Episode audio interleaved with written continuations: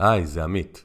אם אתם אוהבים את הפודקאסט, חשוב לי שתכירו את הקורס הדיגיטלי הכי חשוב שיצרתי, שנקרא בונים עתיד מהשקעות. בקורס הכנסתי את כל הידע והניסיון שלי בבניית תיקי השקעות בכל סכום.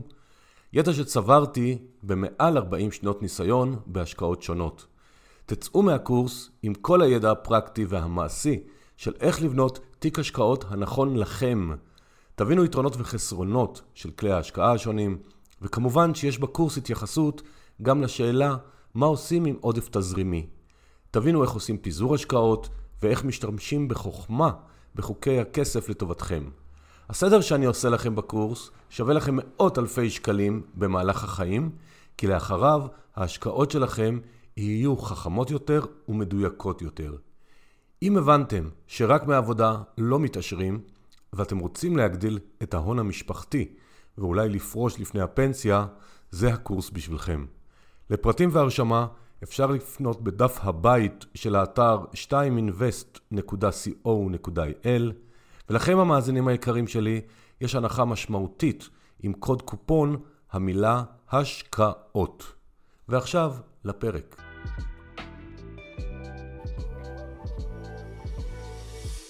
שלום לכולם, ברוכים הבאים לפרק בנושא היזמות ו mindset היום, אני עמית. אה, היום האורח שלי הוא אלי שביט, שלום אלי. שלום לך עמית, שלום לכל הצופים ומאזינים. אה, הרוב מאזינים. אה, אלי הוא יזם, מנטור ומשקיע, הוא גר בגיאורגיה, בכפר אקולוגי שהוא הקים ומדריך ומלמד יזמות משם. הוא יזם בנשמתו שהתחיל בגיל 15 כבר יזמויות, שחלק הצליחו וחלק לא, והוא מדבר על זה בפתיחות.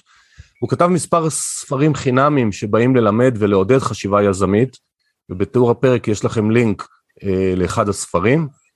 הוא רואה אחרת, שונה, חד את הדברים, ואני הולך ליהנות, מקווה שגם אתם, נתחיל ללמוד.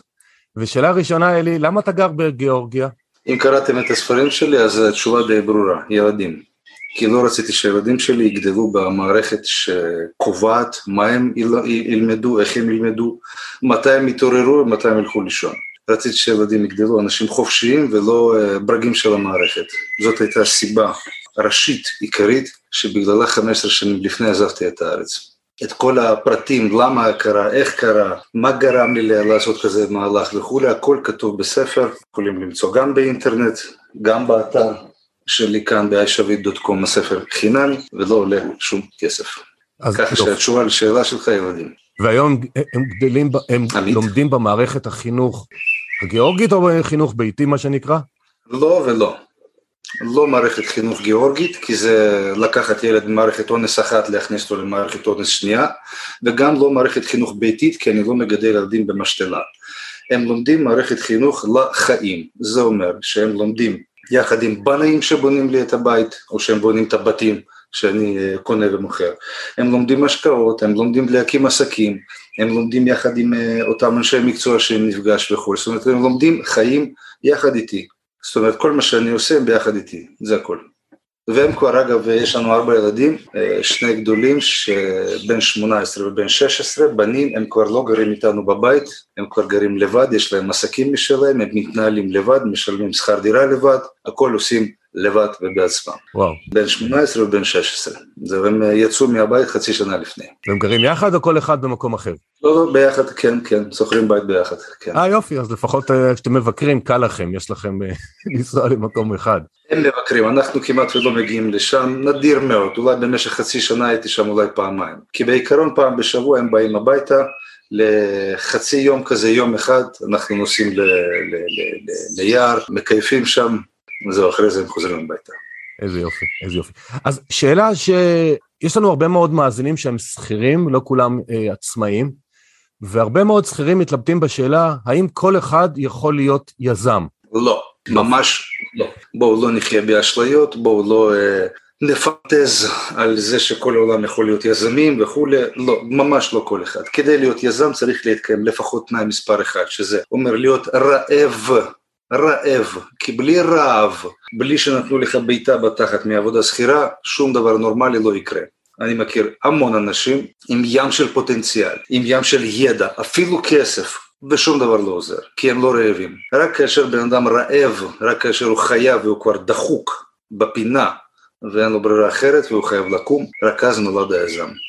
חד משמעית. זה מניסיון צנוע של 15 שנים שאני מלמד ומגדל יזמים וגידלתי 8,000 אנשים ואני יודע על מה אני מדבר. ככה שחד משמעית לא כל אחד יכול להיות יזם. אני מסכים איתך ואין לי את הניסיון שלך, אבל אני רוצה להבין, כשאתה אומר רעב, האם זה כן. רעב לממש את עצמו, האם זה רעב כי אין לו עבודה ואין לו מה גם לאכול? גם וגם, גם וגם. כל אחד מהם זה רעב, יש רעב פיננסי, כמובן, כן? יש רעב נפשי, כן, יש רעב להתפתחות, כל אחד מהם זה רעב, אבל בלי רעב שום דבר לא עובד, פשוט לא עובד. אני מסכים איתך מניסיוני. יש לך ביטוי שאתה משתמש בו בספר ואתה אוהב אותו, ואני רוצה שתסביר לנו אותו קצת, שאני אוהב את ה... אתה אומר, let's נתחיל. כן, let's נתחיל. יאללה, מה הרעיון ו-let's נתחיל? שום רעיון מאוחד, אין פה איזושהי היסטוריה מדהימה, זה פשוט uh, let's go כזה, let's נתחיל, uh, כל, כל, כל עסק שלי מתחיל בביטוי הזה, let's נתחיל. בוא, בוא נתחיל ואחרי זה נראה מה יהיה, זה הכל. שום דבר מאוחד. לא, אתה תענה פה, אני חושב שמסתתר מאחורי זה משהו הרבה יותר עמוק ואני אנסה לחלוב אותך. הלץ נתחיל, אם אני מבין אותו, אתה אומר, תפסיקו עכשיו לשבת לעשות אתר מפואר ולתכנן תוכניות עסקיות ל-17 שנה קדימה, ומה יקרה ברבעון 8 בעוד 4 שנים. אתה, לדעתי, אתה מתכוון, תפסיקו לספר לעצמכם סיפורים ותתחילו. האם זה הכוונה? לגמרי.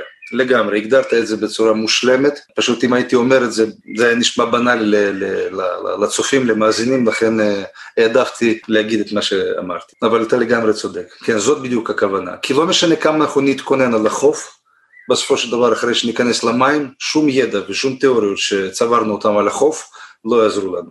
אבל איזושהי התכוננות אה, צריך לעשות, זאת אומרת... מינימלית. וזה מוביל לשאלה הבאה. אתה אומר שאפשר להקים עסק מ-0 למיליון.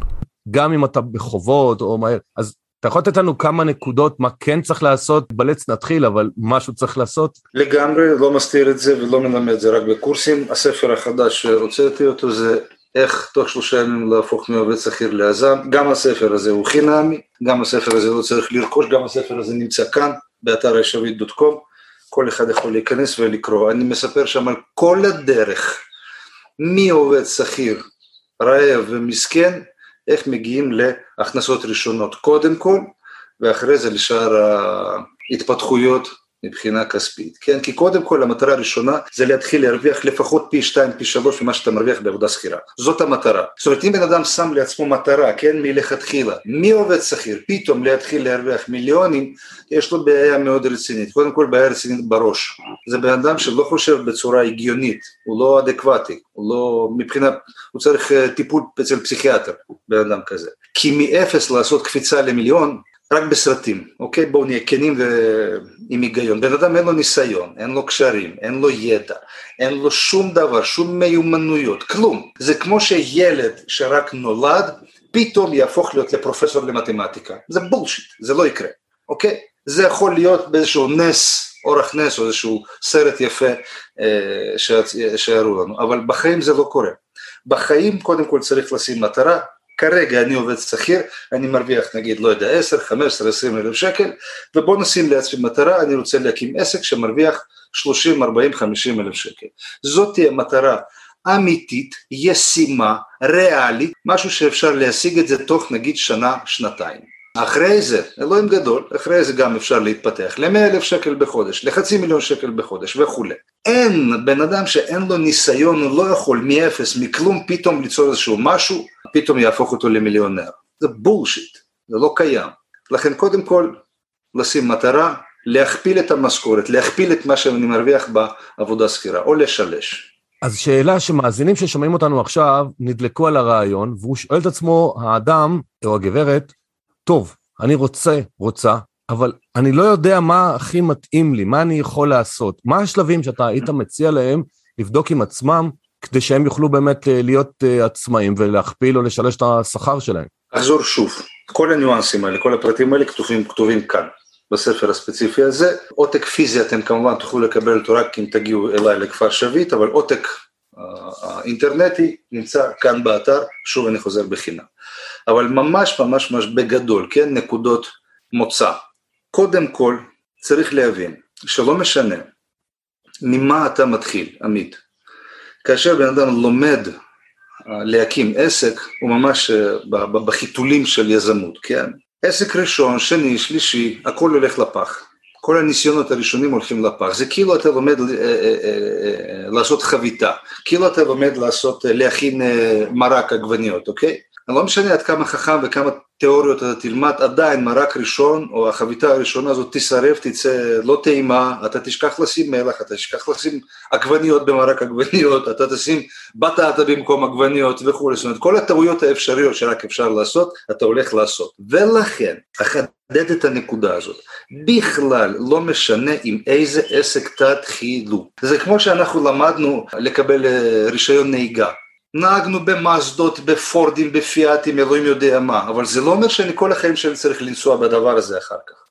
אני יכול ללמוד באוטו אחד, ואחרי זה, אחרי שאני אחליט לקנות לעצמי רכב, אני כבר אעבור לרכב אחר, אבל את כל המיומנויות האלה שצברתי באוטו אחר, אני בקלות רבה יכול להעתיק את זה לעסק חדש.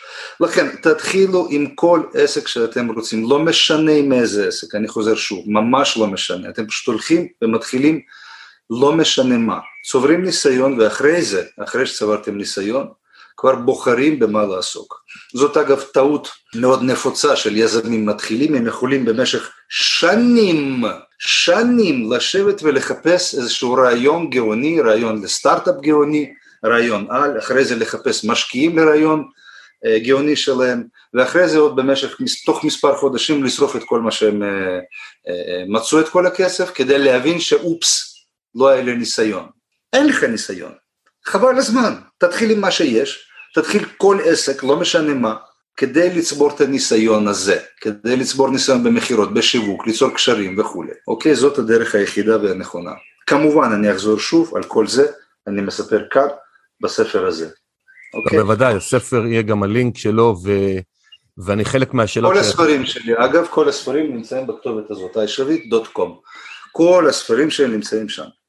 בלי צורך להירשם, בלי צורך להוריד, כלום. פשוט לוחצים על לינק, מתחילים לקרוא, זהו. ואני יכול להעיד פשוט... שזה כדאי לעשות, כי אני קראתי חלק מהם. אחד הדברים שאתה מדבר עליו בספר האחרון, זה החשיבות של למכור. ואתה מדבר גם על למכור פנים אל פנים, שזאת מיומנות, לדעתך מאוד חשובה. על זה יש לי שתי שאלות. אחת, כן. למה לדעתך רוב האנשים כל כך חוששים מ- מלמכור? ודבר שני, היום שמנסים להקים עסקים גלובליים, המיומנות מכירה היא קצת משתנה, כי זה אולי דפי מכירה ודברים כאלה, ולא פרונטלי, איך מתגברים על זה בביישנות, או לא יודע מה, מה, מה עוצר הרבה אנשים למכור. הבנתי את השאלות, שאלות חשובות מאוד, קריטיות ליזם. נתחיל מזה שלאנשים ביישנים אין ילדים, אוקיי? זאת אומרת, אם בן אדם לא אוהב למכור, שימשיך להיות שכיר, אין לו מה לעשות בעסקים. אם בן אדם אומר, אני מפחד מאנשים, אני מפחד לשוחח, אני מפחד אם יגידו לי לא, אני מפחד אם... מכירות זה לא שלי, אני אתן לי לייצר שמישהו אחר ימכור בשבילי. בחייאת, שבו בשקט בעבודה שכירה, אל תשגעו לעצמכם את השכל, אתם לא יזמים, אתם לא אנשי הביזנס, אוקיי? כי עסק, משמעות של כל עסק, בראש ובראשונה, זה כסף, וכסף מגיע אך ורק ממכירות, אין שום ניסים וסודות נפלאים אחרים. אם אתה יודע למכור, אתה יכול להקים עסק, אם אתה לא יודע למכור, אתה לא מבין כלום בעסקים. אוקיי, אני גם תמיד אומר, אם אתה רוצה לבדוק את ה-IQ שלך בעסקים, תכניס את הכספומט שלך לבנקת, תקבל תשובה מדויקת מה אתה מבין בעסקים. אוקיי? כי מצב בחשבון הבנק שלך זה בדיוק בדיוק מבטא, הוא בדיוק מבטא את מה שאתה מבין בעסקים. לכן, אחזור שוב, אם אתם שונאים למכור, לא אוהבים אנשים, לא אוהבים לדבר, לא אוהבים למכור, תמשיכו להיות שכירים, הכל בסדר, מישהו צריך להיות שכיר בעולם הזה, אז אתם תהיו שכירים, הכל בסדר. לא כל אחד נולד להיות יזם. זה לגבי בכלל נושא של מכירות. עכשיו לגבי מה שאמרת, אכן שיטות המכירה משתנות משנה לשנה, לפעמים אפילו מחודש לחודש, כל פעם מתווספים כלים חדשים, עכשיו זה דפי נחיתה, עכשיו זה אתרים, עכשיו זה פייסבוק, עכשיו זה טיק טוק, עכשיו זה עוד יודע מה, וכל הזמן צריך להשתדרג ולשפר את היכולות האלה, כן, אכן, זה בדיוק כך, כן, ואם אתם לא מוכנים לזה, הכל בסדר, תמשיכו להיות שכירים, אף אחד לא גורר אתכם להיות יזמים בכוח. מיומנות אחת ויחידה שבאמת צריך לדעת אותה, ללמוד אותה, לפני שאתם מגיעים לעולם היזמות, זה מכירות. ככה שאם אתם כבר עובדים בתור שכירים, אם כבר אז לכו לעבוד בתור מוכרים, משווקים, כדי ללמוד את הנושאים האלה לעומק, כי זה תצטרכו בעולם העסקים לגמרי. וכאחד שהיה מנהל הרבה שנים של שכירים, אז לפחות גם תמכרו את עצמכם בארגון, איך להתקדם, ולא תחכו שיגלו אתכם ו... ויעריכו אתכם. שתבינו, עובד, שכ... עובד שכיר גם מוכר, פשוט הוא מוכר פעם אחת למשך הרבה זמן, זאת אומרת הוא מכר את עצמו, את זמן החיים שלו למעסיק אחד, לנגיד שלוש, ארבע או עשר שנים, כמה זמן שהוא עובד. זאת מכירה אחת. בעל עסק שונה מעובד שכיר מכך שבעל עסק עושה מספר עסקאות ביום. שכיר עושה עסקה אחת במספר שנים, אבל הוא עדיין חייב לדעת למכור. כי אם אתה לא יודע למכור את עצמך, לאותו מעסיק, אתה תקבל משכורת עלובה וקטנה ותתענג על כל שקל שמשלמים לך. כן, בהחלט. כן. אה, להעלות את השכר זה מצווה גם לשכירים שהם לפעמים שוכחים את החשיבות. אה, אני רוצה לעבור לעוד נושא שאתה מדבר עליו, אה, אני אציג אותו בדרך קצת שונה כמובן ממה שאתה מציג אותו, אבל הוא חשוב בעיניי, כל נושא של המינוף.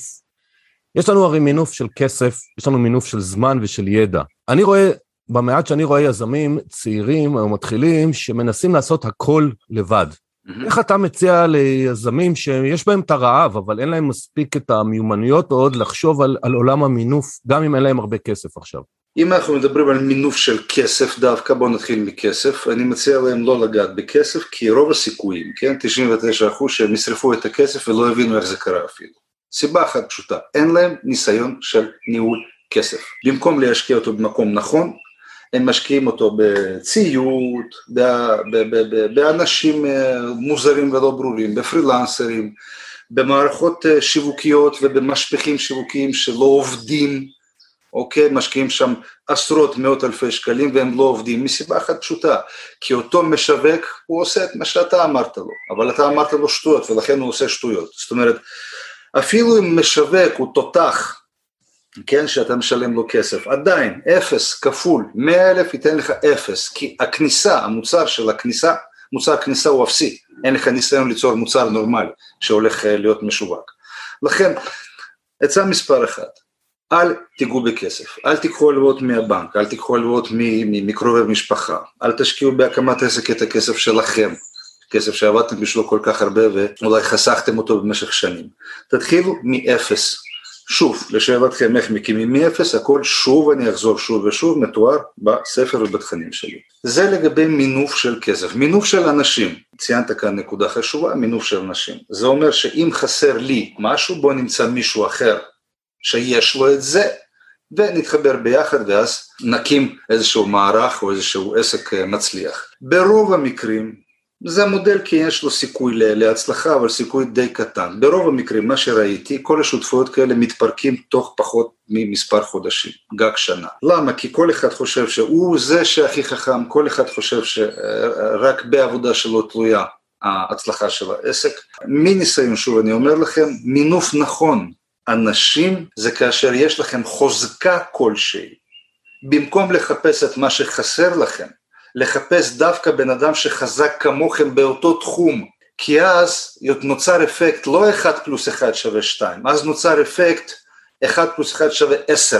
כאשר אתם שניכם עוסקים באותו נושא, חזקים באותו נושא, נגיד אתה מהנדס, אוקיי, ואתה יודע לייצר איזשהו, איזשהו מתקן, כן, שהוא מאוד חזק, לא צריך לחפש בן אדם אחר שיודע לייצר עכשיו כיסאות, או, או, או ישווק אותך אפילו, לא, תמצא עוד מהנדס שגם חזק בתחום הזה כמוך. שניכם תוכלו לייצר משהו הרבה הרבה הרבה יותר חזק. זאת אומרת, החיבור, הסינרגיה של אנשים, הסינרגיה של הכוחות האלה, צריכה להיות לא בוא אני אמצא את מה שאני חלש בו, אלא בוא אני אמצא מישהו שחזק כמוני או הרבה יותר חזק ממני, ואז זה ייתן אפקט הרבה יותר גדול. זאת הדרך הנכונה במינוף אנשים. איך אם שנינו חזקים אה, וחלשים באותו דבר, אז איך אתה מציע להתגבר על החולשה? כי אם אתה אומר... במה אתם חלשים? אם אתם חלשים בשיווק ומכירות, אמרתי שוב, אין לכם מה לעשות בעסקים. ככה ששיווק ומכירות זה דבר ראשון שצריך להיות אצלך, אם לא חזק, אבל לפחות אה, מספיק טוב כדי שתוכל לשווק את עצמך. כל שאר החוזקות, כמו שאמרתי, צריך אה, לא לחפש מישהו שמשלים אותך, אלא צריך לחפש מישהו שאתם עוד יותר חזקים ביחד. הסטריאוטיפ הזה, אגב, סטריאוטיפ הדפוק הזה, הוא אה, נובע עוד מבית ספר שלימדו אותנו, כן? מה ההורים עושים כאשר ילד חזק נגיד במתמטיקה, ממש, ילד בכיתה נגיד חמש פותר תרגילים של כיתה עשר, אבל הוא חלש באנגלית, חלש בספורט, חלש בהיסטוריה, מה ההורים עושים? הם לוקחים לו מורים בהיסטוריה, בספורט, באנגלית וכולי וכולי. במקום לחזק את מה שחזק, הם מחזקים את מה שחלש בו. אבל ילד על ידי החוסר רצון שלו ללמוד את הדברים האלה, כבר אמר לכם, זה לא מעניין אותי. ואז הורים ובית ספר וכל הסביבה הסתומה הזאת מחזקת את, החלשים, את הצדדים החלשים שלו. לא את זה צריך לעשות, חבר'ה. צריך לקחת לילד גאון הזה פרופסור במתמטיקה כדי לחזק אותו במתמטיקה, כדי שהוא יהיה עוד יותר גאון במתמטיקה, כי זה הצד החזק שלו. אתם מנסים ללמד אריות לעוף, אבל אריה לא נולד לעוף. אתם מנסים, אה, אה, אתם מחייבים דולפינים לטפס על עצים, אבל דולפין לא נולד כדי לטפס על עצים, עזבו את הילדים האלה. הוא חזק במתמטיקה, תנו לו את הדרך המתמטית הזאת, תשכחו מכל השאר, תוציאו אותו מבית ספר בכלל, תנו לו את הדרך כי הוא אוהב את זה, הוא חזק בזה. אם ילד חזק באנגלית, תשקיעו באנגלית, אם ילד חזק בספורט, תוציאו אותו מבית ספר, שילך לספורט, שילך לחוגים, בדיוק אותו דבר עמית בעסקים. במקום לחזק את הצדדים החזקים שלנו, אנחנו מנסים מקל לנכים בצדדים החלשים שלנו. זאת גישה מוטעית. זאת טעות שמובילה לעסקים בינוניים, חלשים, מסכנים, שכל הנכים האלה תומכים אחד בשני. לא את זה צריך לעשות. תחזקו את הצדדים החזקים שלכם. מרתק. הבטחתי לכם, מאזינים יקרים, גישה חדה, בהירה ושונה לפעמים. אז כדי שימשיך, אני רוצה שימשיכו לעקוב אחריך, אז לקחתי כמה תובנות שאני עוקב אחרי דף הפייסבוק שלך, ואני אשמח שתסביר בקצרה אותם. אה, למשל, איך עוקפים תור? אה, איך עוקפים תור, כן, לא מזמן העליתי את הפוסט הזה. נכון. כן, משתמש בכלי הזה אה, הרבה מאוד פעמים. אם יש תור ענק, אני ניגש לתור, לראש התור, אומר, חבר'ה, 200 שקל, מי רוצה להתחלף איתי במקומות? תמיד יש מישהו שמוכן לקחת את ה-200 שקל ולחכות עוד שעה. כך שהכל הוגן, זאת אומרת מבחינה, מבחינה אנרגטית, מבחינה מורלית, מנטלית, הכל הוגן. אני לא נדחף, אני לא מפריע לאף אחד, לא, בן אדם יוצא, מקבל עבור זה תמורה, אני נכנס במקומו, לא מפריע לאף אחד, זאת אומרת אני לא הזזתי תור, אני לא עשיתי שום דבר uh, רע מבחינה מורלית ומנטלית, לא שיקרתי לאף אחד, לא גנבתי מאף אחד זמן, כלום, פשוט שילמתי על זמן של מישהו אחר שמוכן למכור את הזמן הזה, זה הכל. נגיד אני מגיע לחניות הרבה מאוד פעמים, כן? אין חנייה, הכל תפוס, הכל מלא, אבל תמיד יש איזושהי מונית שעומדת שם מחכה למישהו, אני בא, מוציא אותו שטר של 200 שקל, אני אומר לו חבר, לך תעשה סיבוב. בהתחלה הוא מסתכל עליי כאילו נפלתי מהירח, כאילו מה, מה אתה רוצה מהחיים שלי? אחרי זה הוא קולט שאני צריך חנייה, צוחק, לוקח 200 שקל, מפנה לי חנייה. שוב, הכל הוגן, הכל נקי, לא שיקרתי לאף אחד, לא גנבתי מאף אחד כלום, לא דפקתי את הנהג, 200 שקל תוך דקה, כסף לא רע, מה רע? הוא הלך עשה סיבוב, משתלם לו, אני לא הכרחתי לעשות את זה, כן? לי משתלם כי אני שמרתי על הזמן שלי על חיפוש חניות ואיפה לתקוע את האוטו וכולי. ככה אני עוקף תורות וזה עובד מדהים תמיד. ב-99% מהמקרים אני תמיד מצליח לעקוף את התור, בקלי קלות. מעולה. עוד דוגמה שאני אוהב כאדם רוחני, שאני רוצה מהתובנות של הפייסבוק שלך אתה מעלה, כשאתה אומר, כשאתה אוכל אגס, תאכל אגס. אמת, אמת. מה אתה כן. מתכוון? אה, אני מתכוון שאנחנו רוב הזמן ורוב פעמים, כן, רובנו האנושות המודרנית, כאשר אנחנו עושים משהו אנחנו לא עושים את זה, אנחנו נגיד אוכלים ארוחת בוקר, אנחנו לא נהנים מארוחת בוקר, אנחנו משוחחים עם בני משפחה, אנחנו צופים בטלוויזיה, אנחנו תקועים בסמארטפון, אנחנו עושים כל מה שאתה רוצה חוץ מארוחת בוקר. ארוחת בוקר היא כמו מין ריטואל כדי, אתה יודע, פשוט להזיז את היד, להכניס משהו לפה אני מתכוון כשאני אומר אם אתה אוכל אגס תאכל אגס, כאשר אתה אוכל ארוחת בוקר, תהנה מזה. תהנה מזה, רגע, שנייה אחת, תעצור את הכל, תהנה מארוחת בוקר כרגע. אם אתה עם ילד שלך והבטחת לו שאני אקח אותך לגן חיות, או שהבטחת לו שאני אקח אותך לקנות גלידה, תהיה עם ילד באותו רגע, בסדר? קח אותו ביד, תהנה איתו, תשוחח איתו, תגיעו, תיתם, תיתן לו לבחור את הגלידה, אל תהיה תקוע באותו זמן בטלפון ותשוחח עם עוד 9,000 אנשים. אם אתה עושה סקס עם האישה שלך, כן? או עם מישהי אחרת, לא יודע, מאהבת או כל אישה אחרת. תהנה ברגע הזה איתה, כי בן אדם חושב על דברים אחרים ברגע הזה. הוא חושב על משכנתה, הוא חושב על מה צריך עוד לעשות היום, וכולי וכולי. לא, רגע, שנייה אחת, עצור. תהיה כאן ברגע הזה ספציפית, ואם אתה לומד את הכלל הפשוט הזה, אתה לומד ליהנות מהחיים, אתה, החיים מקבלים צבעים אחרים לגמרי, החיים מקבלים ססגוניות אחרת לגמרי, אוקיי? וזה הרבה יותר נעים וכיף לחיות לפי הכלל. אם אתה אוכל אגס, תאכל אגס, אל, תת, אל תתעסק עם דברים אחרים. אז אני okay. אוקיי. לקח, לקח לי הרבה מאוד שנים, רק בשנים האחרונות, אחרי הרבה מסעות בהודו וחקר פנימי, התחלתי ליהנות מהכאן ועכשיו, אני עוד לא מושלם בזה, אבל אני מאוד מאוד בעד פשוט להיות ולהפסיק רק להיות מודאג מה שהיה ומה שיהיה. אה, ברור שזה לא תמיד מצליח, אנחנו עדיין אנשים מודרניים ואנחנו לא תמיד יכולים ליהנות מהרגע הזה, אבל אם לפחות מספר רגעים כאלה הצלחת למצוא במהלך היום, אתה כבר הולך לישון כמו בן אדם מאושר. כי חווית פה רגע, חווית כאן רגע, חווית כאן רגע, ואז יש לך אוסף רגעים כאלה שאתה הולך ומסיים את היום הזה בצורה יפה. זהו. נגיד היום, התעוררתי בבוקר, אכלתי אפרסקים ודובדבנים ברמה מטורפת, טעימים ברמה מטורפת. עמדתי פה חצי שעה במרפסת שלי, אוכל דובדבנים, לא אכפת לי מכל השאר. לא תוכן, לא פייסבוק, לא טלפון, טלפון בכלל שכחתי אותו ליד המקרר. נהנה מלאכול דובדבנים. זהו, מסתכל על טבע יפה, על עננים יפים, אומר תודה לאל על כל זה שקיים בחיים שלי, ונהנה מדובדבנים. אני אזכור את הרגע הזה ואני אזכר בו גם לפני השינה. חיים הרבה יותר יפים וצבעוניים, חבר'ה. הלוואי שנוכל כולנו אה, ליישם. אה, אני רוצה לעבור לעוד משהו, ברולאפ מאחוריך, אחד הדברים שאתה מטפל בהם, כתוב משקיע. עכשיו, אנחנו הרי בפודקאסט של כסף והשקעות. אני אשמח לשמוע קצת את דעתך, אני אגיד אותה במקרו, ואתה תפרט מה שתרצה. א', האם אתה מאלה שבעד פיזורי השקעות, או שחושב שכדאי להתמקד בתחום אחד? בעצם נשאל שאלה הזאת. פיזור לגמרי, לא, לא, פיזור לגמרי. לגמרי בעד פיזור, אבל פיזור צריך להיות חכם.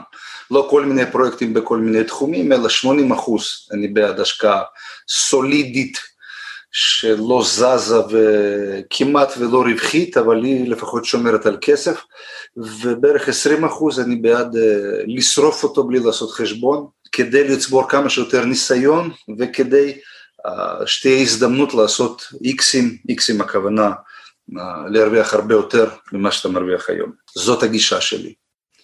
ואם אני אשאל, שתי ההשקעות, הסוגי ההשקעות הנפוצות ביותר זה שוק ההון ונדל"ן.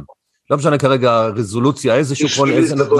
לא, שוק, לא, שוק ההון בשבילי זה לא uh, סטבילי, זה לא יציב.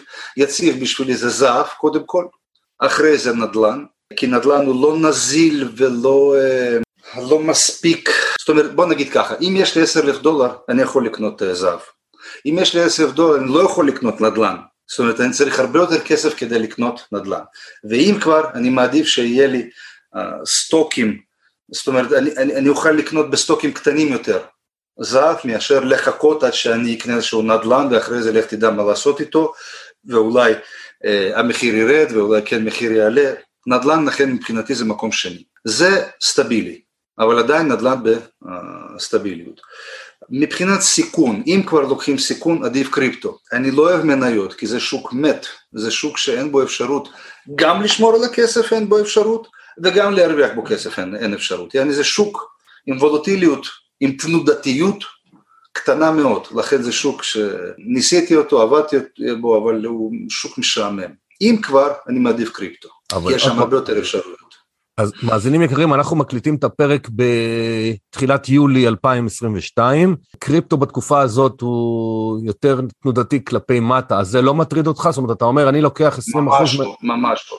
ממש לא, ממש לא. גם, גם כאשר השוק יורד למטה, כל מה שצבוע באדום זה הנחות, צריך לקנות. לא, אבל אפשר להגיד לך את זה אותו דבר על שוק ההון, שאתה פחות מתחבר אליו, אבל גם שוק ההון ידע לעשות שנים טובות, שנים פחות טובות, אז למה אתה אומר שאתה לא יכול להרוויח בשוק ההון? בשוק ההון, אני אגיד, בשוק ההון, בוא, בוא נבדיל, כן, שוק ההון, יש שוק ההון ויש שוק מניות, זה שני דברים שונים. שוק ההון זה כל מה שקשור ל forex, למטבעות, דולר, יורו וכל מיני צירופים שלהם. ושוק של מניות זה משהו אחר. אתה מבין, כן, את ההבדל ביניהם. כן. כן, עכשיו, בשוק ההון אני בכלל, בכלל, לא, לא נכנס, הייתי שם, זה לא משמח אותי בכלל, שוק ההון, כי יש שם המון, המון, המון אה, נקודות שאפשר להישרף בהן, ומעט מדי הזדמנויות שאפשר להרוויח בהן. זה מוכח על ידי הרבה מאוד אה, כספים, על ידי שרפות של הרבה מאוד אנשים שראיתי, חוו שם חוויות לא כל כך נעימות. אם עובדים נכון, שוב אני אומר, בקריפטו הרבה יותר כיף והרבה יותר נעים מאשר בשוק ההון. בשוק המניות, עד שאתה מחכה שהמניה תעלה ב-10% עד שאתה, או שהיא יורדת ב-10%, יכולה, יכולה לעבור שנה. בקריפטו זה יכול לקרות תוך מספר דקות, שעות. זה נכון, השאלה לאיזה כיוון. לא משנה לאיזה, אם יש לך שיטת עבודה, ולי יש שיטת עבודה פרטית משלי שפיתחתי אותה, אני מרוויח גם כאשר השוק עולה, מרוויח גם כאשר השוק יורד, מרוויח גם כאשר השוק בפלט, זאת אומרת הוא לא זז, מרוויח בכל תזוזה של שוק. כמובן זה דורש שיטה פרטית משלי שעבדתי הרבה מאוד כדי לבנות את השיטה הזאת וכרגע לא מתכוון אה, לחשוף אותה. לא, בסדר, אבל מה שאני אומר, המש... המאזין הממוצע אין לו את השיטה והוא שואל את עצמו איפה אני משקיע את כספי, אז אתה אומר לו במילים אחרות, תשמע חבר יקר, אני חושב שעולם הקריפטו זה מקום שכדאי לך להיות בו, לא משנה כרגע, אנחנו לא נכנסים, לא, לא להמלצות כמובן, זה דעות, זה, זה חומר של דעה לימודית. אה, אתה אומר, אני מעדיף מש, אחוז יחסית קטן, מאוד תנודתי, שאני יכול להרוויח בכל מזג אוויר, מאשר uh, שוק ההון שבעיניי הוא בלתי צפוי, בלתי ניתן לחזות, ונדל"ן וזהב. עכשיו, זהב, לפני הרבה שנים הוא היה מקום מפלט, בשנים האחרונות הוא די לא זז, כאילו, אז למה אתה מאמין בזהב? זה מצוין, זה מצוין שהוא לא זז. זה בדיוק אומר על הסטביליות שלו. לא, אבל יכול להיות בתקופות אינפלציה שחוזרת, שתהיה לו שחיקה בערך שלו בסוף. בחיים לא היה מצב כאשר מחיר של זהב ירד, ותכף אסביר את עצמי למה. לא דולר זה שקובע את השוק, זהב זה שקובע את השוק. זאת אומרת, לא זהב מסתובב סביב דולר, אלא דולר מסתובב סביב זהב, ותכף אסביר את עצמי. בשנת 1902 או 5, לא זוכר, בתקופה ההיא, פורד, הנרי פורד, כאשר יצר רכבים, רכב אז עלה, אם אני לא טועה, משהו כמו 500 דולר. אז אונקייה עלתה 25 או 30 דולר, משהו כזה, אונקייה של זהב. אז זה אומר שרכב פורד אז עלה משהו כמו 25-30 אונקיות. עכשיו שים לב, אנחנו בשנת 2022, רכב פורד היום עולה 50 אלף דולר. זה אותם 25-30 אונקיות של זהב. תנסה להבין מה אמרתי עכשיו. לא, אני מבין, אני מנסה לחשוב, אונקיה היום זה בערך... מחיר של זהב לא השתנה כי הכלכלה עולמית מסתובבת סביב מחיר של אונקייה, לא סביב מחיר של דולר או יורו או שקל או כל מטבע אחר. הכל מסתובב סביב אונקייה, וזה אומר שאם בשנת 1905 באונקייה אחת, זאת אומרת 30 דולר, היית יכול לקנות מצרכים כלשהם, חלב, בשר, לחיות, לשלם משכנתה, שכר דירה וכולי, כוח של אותם 30 דולר היום זה 2,000 דולר. שים לב, מחיר של זהב לא עלה ולא ירד, זה הדולר איבד את היכולת שלו בכלכלה העולמית. במילים אחרות, קרתה אינפלציה, זה הכל. אבל זהב לא השתנה, ולכן מבחינתי כאשר אני קונה אונקייה של זהב, זה אומר שאני קניתי יכולת לקנות מה שיהיה שווה זהב באותו רגע, אחרי עשר שנים, אחרי חמישים שנה, לא משנה. זה אותה אונקייה גם אחרי אה, חמישים שנים. מבחינת משקל, מבחינת, וגם מבחינת כוח קנייה. מה שזה יכול לקנות היום, זאת אומרת זה עולה נגיד אלפיים דולר היום, בדיוק אותו דבר, אותו כוח כסף יהיה בעוד חמישים שנה, כוח של כסף לא השתנה כי הכל מסתובב סביב זהב. אנשים בטעות חושבים שזהב משנה מחירים, לא, לא, אתם טועים, זהב לא משנה מחירים, ולכן אני מעדיף לקנות תמיד זהב כי גם אם, מחיר, גם מחיר, אם המחיר יעלה עדיין לא הרווחתי ולא הפסדתי. אם המחיר ירד, גם אני לא הפסדתי. כי עכשיו עם הכסף הזה, כי כביכול פחות כסף, אני יכול לקנות את המצרכים. ולזהב תמיד צריך להסתכל, כמובן לא לתקופה של יום-יומיים, אלא לתקופה של מינימום עשר שנים קדימה. מינימום. פחות מזה זה פשוט לא רלוונטי. כאילו, אם אתם לא יכולים להרשות לעצמכם לקנות זהב ולשכוח על זה לעשר שנים קדימה, אל תקנו זהב, חבל, חבל הזמן. כי המשחקים האלה של אני קונה היום, יהיה לי קשה בעוד שנה, אני אמכור, זה לא עובד. זהב אוהב תקופות ארוכות, כי זהב זה ביטחון כלכלי, הוא הרבה יותר חזק מכל מטבע אחר בעולם. זהב היה קיים בזמן כאשר משה רבנו יצא ממצרים, זהב קיים היום, וזהב יהיה קיים גם כשאנחנו נצא לחלליות ונכבוש את מרס או את אה, כל אה, פלנטה אחרת, אוקיי? זהב זה תמיד זהב, היה זהב, זהב ויהיה זהב, ככה שמבחינתי זה כלי אחד ויחיד לשמירת כסף, שים לב, לא להרוויח כסף, אלא כן, לשמירת הון בלבד. זאת אומרת, אם יש נגיד מיליון דולר, אני מעדיף לשמור אותו בזהב מאשר בדולרים, כי לדולר, לא שאלוהים יודע מה יקרה, בוודאות יקרה איתו אינפלציה, בוודאות. זאת אומרת, אלפיים דולר של היום זה לא אותם אלפיים דולר שיהיו בעוד עשר שנים. ברור. זה במיליון אחוז אפשר להגיד את זה. ברור. מיליון אחוז. ולכן אין טעם לשמור דולרים או כל מטבע אחר. הוא מאבד דרך מיום ליום. לכן אני מעדיף זהב. מעניין. הסברתי את עצמי למה דווקא זהב? כן, אבל אחרי, אני גם אעשה לעצמי. שיעורי בית אחרי זה, אני אבדוק את ההתנהגות ונקייה לעומת רכבים, זה סתם מסקרן אותי ההשוואה הזאת. כן, כן, כן, כן, כן, לגמרי. יש לי גם אה, כתבה שכתבתי על זה, אה, אם אתה רוצה, גם אה, אשלח לך לינק, עם מספרים מדויקים. אני מאמין, אבל זה מסקרן, זו גישה לא חשבתי עליה, אני תמיד שמח ללמוד. נדל"ן, נדל"ן בהבדל מזהב, כמו שאמרתי, הוא לא כזה נזיל והוא לא מאפשר לקנות בפורציות קטנות יותר, אוקיי? זאת אומרת, אתה לא יכול לקנות נדל"ן בחמש אלף דולר, אין דבר כזה.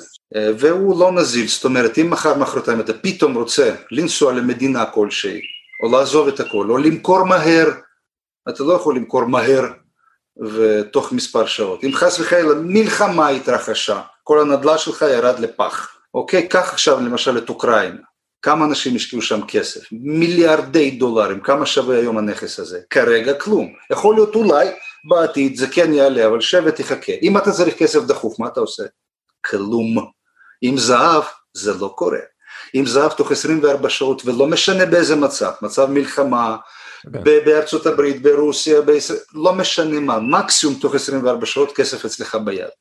גם בכל, בכל מצב, במצב של מלחמה או במצב של uh, שלום. ככה שלזהב אין תחליף.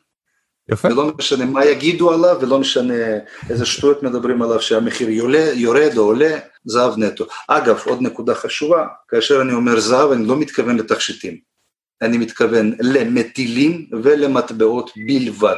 כל השאר זה כסף זרוק לפח, כי אתם קונים לא זהב אלא אתם קונים שכר עבודה. של אותו תכשיט, של אותה שרשרת, או אותו עגיל, או אותה טבעת וכולי, זה לא זהב, זה, זה כבר משהו אחר. זהב זה רק מטילים ומטבעות, בלבד. כן, תכשיטים זה כן. כאילו מוסיפים את הערך המוסף, הערך הנתפס, כבר כל ה... ברור, ברור. זה שכר עבודה, קוראים לזה שכר עבודה. אני קורא לזה ערך נתפס, שזה יותר בעולם התוכן כן. שלך, כיזם, מנטור ליזמים, אבל... ברגע שאתה תרצה למכור את זה, את השרשרת או את הטבעת הזאת, יקנו את זה בחצי מחיר במקרה הטוב, ככה שאתה בהפסד. שאלה לפני האחרונה, שאמרת אותה לאורך הדרך, לא, זה לפני לפני האחרונה.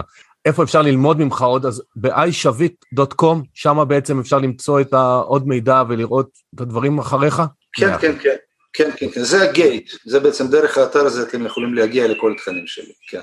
יופי. אז שאלה לפני האחרונה, אני רוצה לחזור לעולם היזמות קצת, השאלה שלי, אתה תגיד בלב שיש אין סוף כאלה, אבל כמה טעויות אופייניות שאתה מזהה אצל היזמים המתחילים או יזמים ותיקים? כאילו, אני רוצה לעזור לאנשים, ככה לתת להם כאפה בראש למי שמבולבל, ושתעזור לו לעשות סדר במחשבות. הבנתי אותך. בוא נפריט, יש יזמים מתחילים ויש יזמים uh, קיימים. זה שני סוגים של אנשים. לגמרי שתי סוגים אה, שונים של אנשים. יזם מתחיל, הוא צריך להפסיק לחפש רעיונות, צריך להפסיק לסמוך על כסף, צריך להפסיק אה, לחפש איזה שהם אה, נבוטים חיצוניים, הוא צריך להבין שהוא לא שולט כרגע בחיים שלו, וזה צריך להיות הרעב האמיתי שלו, להתחיל לשלוט בחיים שלו, שזה אפשרי רק ביזמות. ורק כאשר אתה עצמאי. ליזמים קיימים הבעיה העיקרית זה אגו שלהם.